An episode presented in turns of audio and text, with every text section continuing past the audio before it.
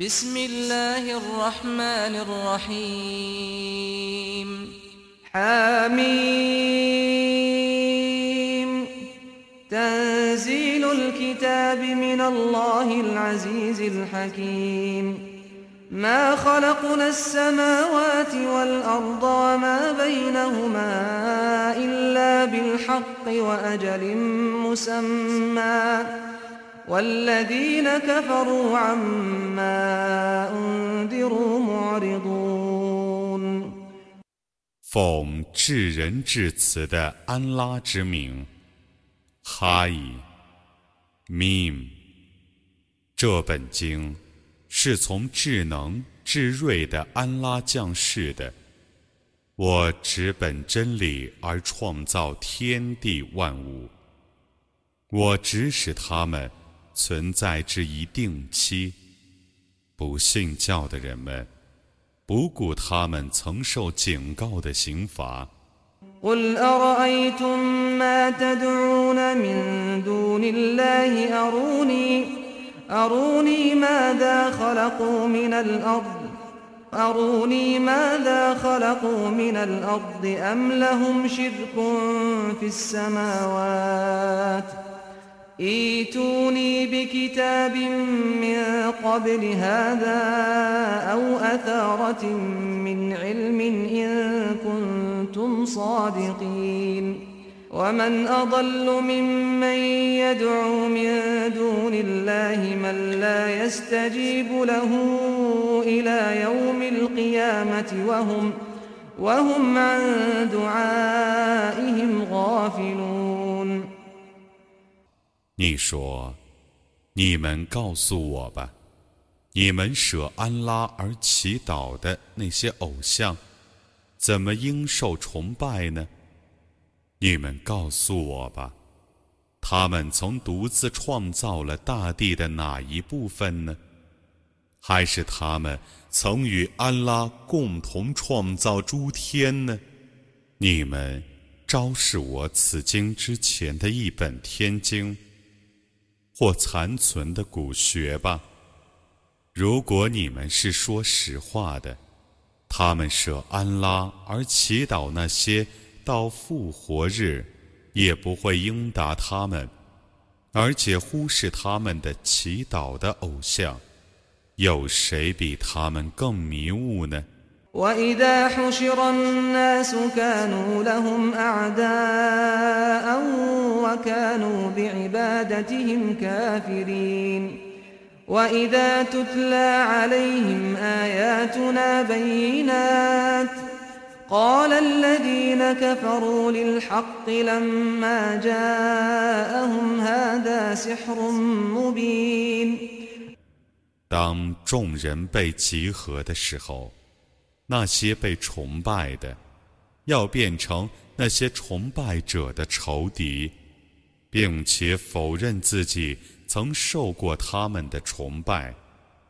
有人对他们诵读我的明显的迹象的时候，不信教的人们评论刚降临他们的真理说：“这是明显的魔术。” قل إن افتريته فلا تملكون لي من الله شيئا هو أعلم بما تفيضون فيه كفى به شهيدا بيني وبينكم وهو الغفور الرحيم قل ما كنت بدعا من الرسل وما أدري ما يفعل بي ولا بكم ۖ إن أتبع إلا ما يوحى إلي وما أنا إلا نذير مبين 他们甚至说，他伪造古兰经。你说，如果我伪造古兰经，那么你们不能为我抵御安拉的一点刑罚。他全知你们。 对《古兰经》的诽谤，它足为我和你们之间的见证。它却是至赦的，却是至慈的。你说，我不是破天荒的使者，我不知道我要遭遇什么，也不知道你们要遭遇什么。我只遵从我所受的启示，我只是一个坦率的警告者。قل أرأيتم إن كان من عند الله وكفرتم به وشهد شاهد من بني إسرائيل على مثله فآمن واستكبرتم إن الله لا يهدي القوم الظالمين وقال الذين كفروا للذين آمنوا لو كان خيرا ما سبقونا إليه وإذ لم يهتدوا به فسيقولون هذا إفك قديم 你说：“你们告诉我吧，如果《古兰经》是从安拉那里降世的。” 而你们不信他，以色列后裔的一个见证，以作证其相似而信奉之，你们却不屑信奉。那么，谁比你们更迷雾呢？安拉必定不引导不义的民众。不信教的人们评论信教的人们说。假若那是一件善事，他们不得在我们之前信奉他。他们没有因古兰经而遵循正道，故他们的偏执已显著了。他们要说，这是臣府的妄言。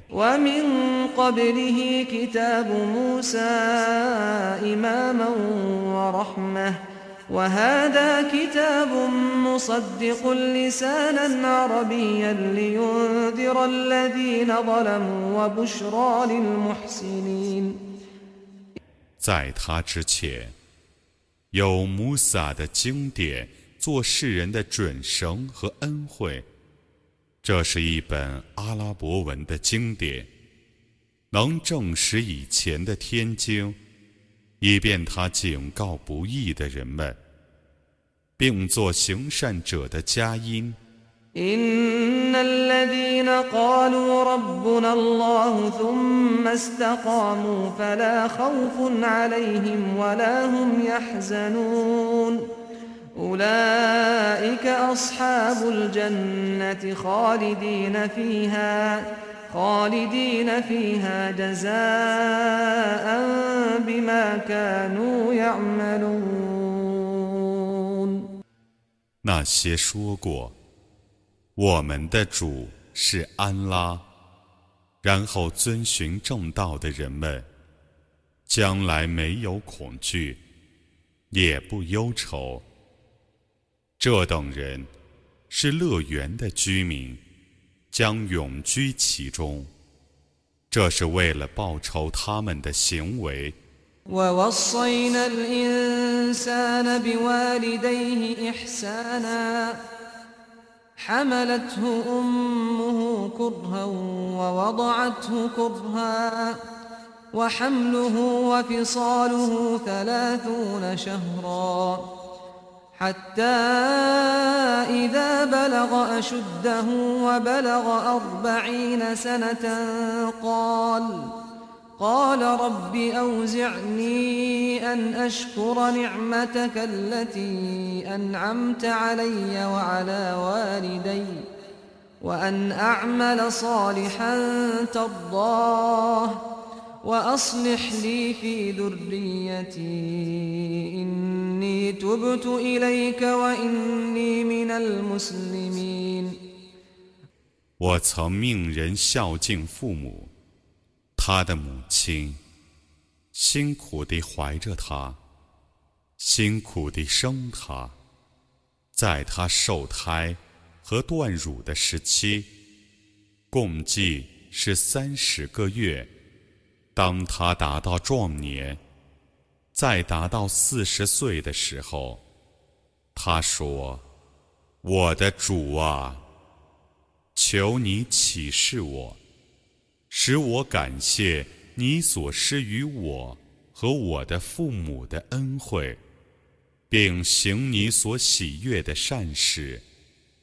求你为我改善我的后裔，我却已向你悔罪，我却是一个顺服者。أولئك الذين نتقبل عنهم أحسن ما عملوا ونتجاوز عن سيئاتهم في أصحاب الجنة وعد الصدق الذي كانوا يوعدون 这等人，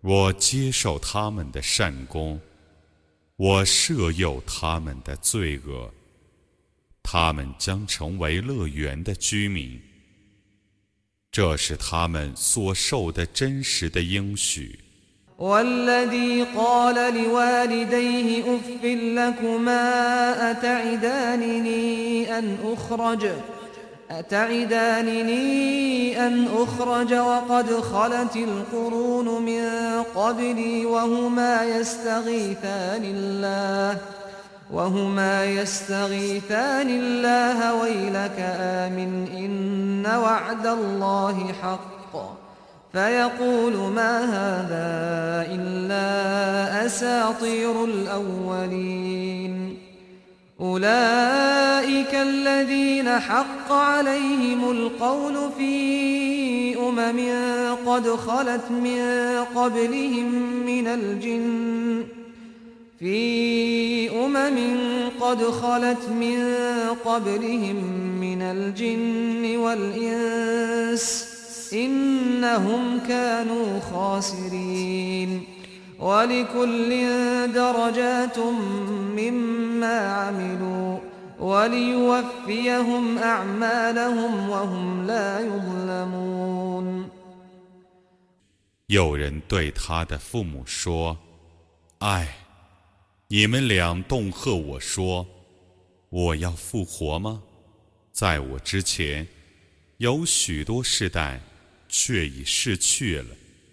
他们俩 向安拉求援，并且说：“伤在你，你信教吧。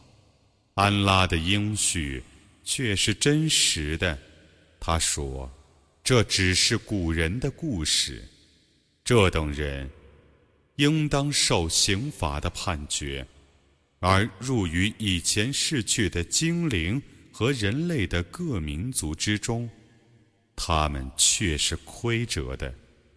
他们将因自己的行为而各有若干等级，以便安拉对他们的行为给予完全的报酬。他们不受亏望。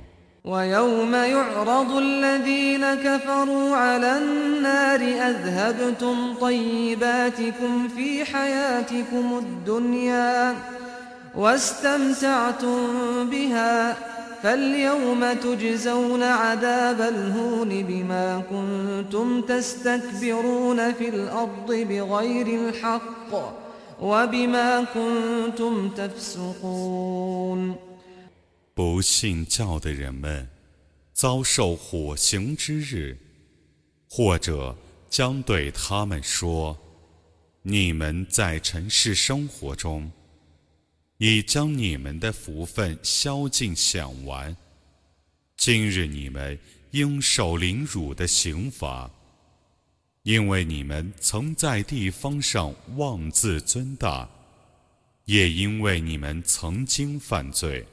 واذكر أخا عاد إذ أنذر قومه بالأحقاف وقد خلت النذر من بين يديه ومن خلفه وقد خلت النذر من بين يديه ومن خلفه ألا تعبدوا إلا الله. إني أخاف عليكم عذاب يوم عظيم. قالوا أجئتنا لتأفكنا عن آلهتنا فأتنا بما تعدنا إن كنت من الصادقين.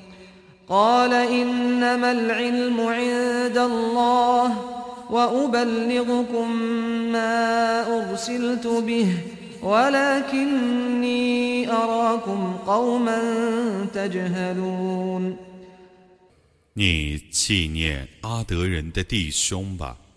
当时，他在沙丘警告他的宗族，在他以前和以后， 有许多警告者却已逝去了。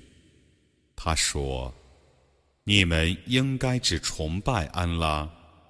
我的确怕你们遭受重大日的刑罚。”他们说。你来阻止我们崇拜我们的众神灵吗？你昭示我们，你所用以恫吓我们的刑罚吧。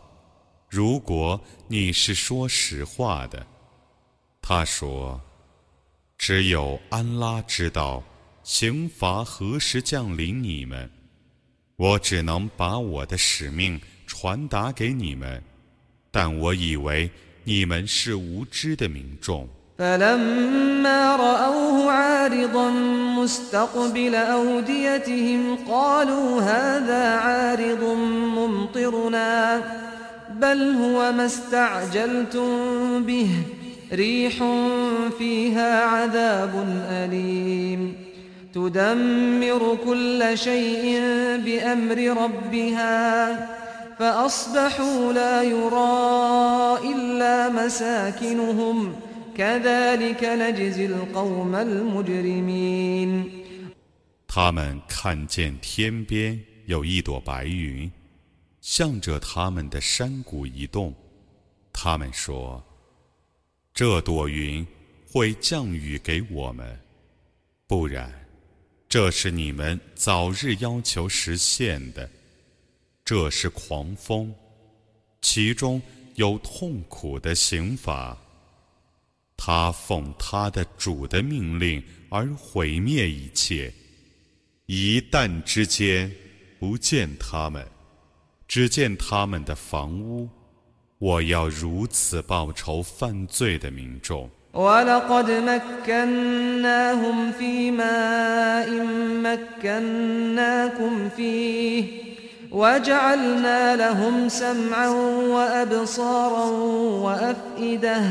فما أغنى عنهم سمعهم ولا أبصارهم ولا أفئدتهم من شيء إذ كانوا يجحدون بآيات الله وحاق بهم ما كانوا وحاق بهم ما كانوا به يستهزئون 我却已把没有赏赐你们的地位 赏赐了他们。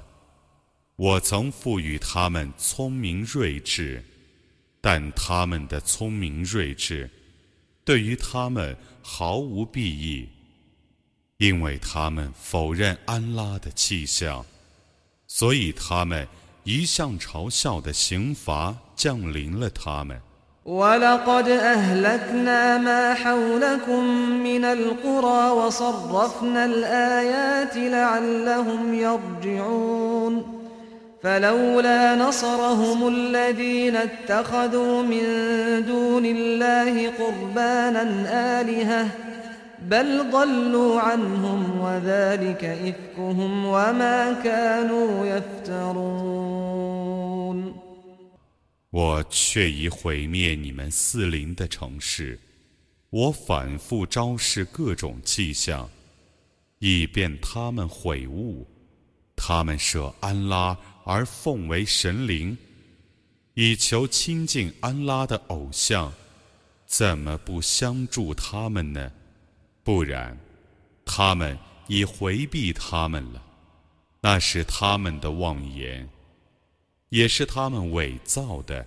وإذ صرفنا إليك نفرا من الجن يستمعون القرآن فلما حضروه قالوا أنصتوا فلما قضي ولوا إلى قومهم منذرين قالوا يا قومنا إنا سمعنا كتابا أنزل من بعد موسى كتابا أنزل من بعد موسى مصدقا لما بين يديه يهدي إلى الحق وإلى طريق مستقيم 当时，我曾使一伙精灵 走到你面前，来静听古兰经。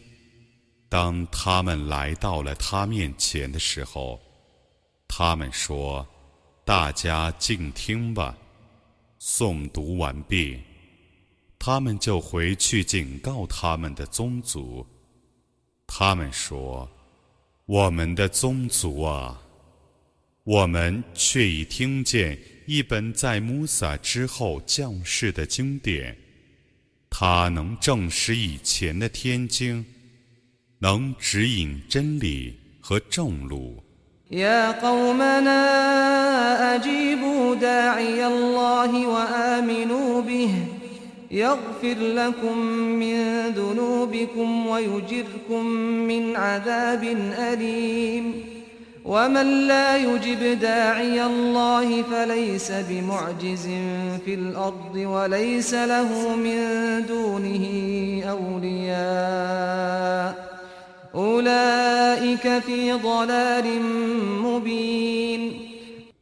们的宗族啊，你们当应答安拉的号召者，而归信安拉，安拉 将赦宥你们的一部分罪过，并使你们得免于痛苦的刑罚。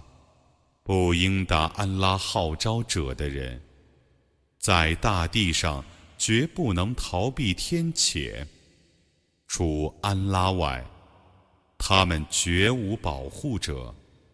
这等人是在明显的迷雾中的。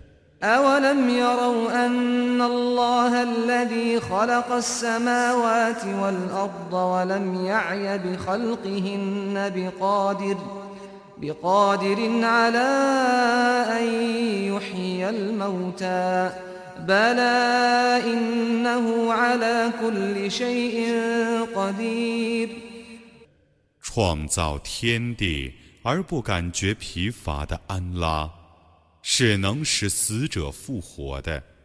难道他们不知道吗？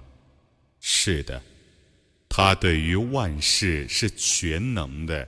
ويوم يعرض الذين كفروا على النار أليس هذا بالحق قالوا بلى وربنا قال فذوقوا العذاب بما كنتم تكفرون فاصبر كما صبر أولو العزم من الرسل ولا تستعجل لهم ۖ كأنهم يوم يرون ما يوعدون لم يلبثوا إلا ساعة من نهار.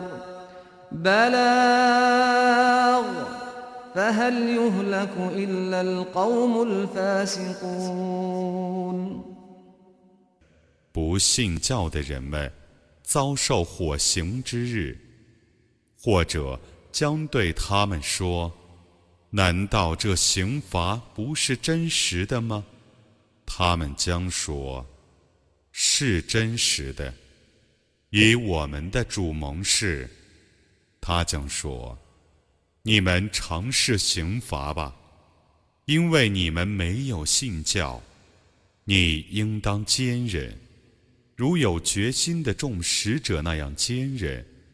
你不要要求他们。”所应得的刑罚早日实现，他们眼见自己所被恐吓的刑罚之日，他们将觉得仿佛在尘世，只在白昼逗留过片刻。这是一个通告，为悖逆的民众才遭毁灭。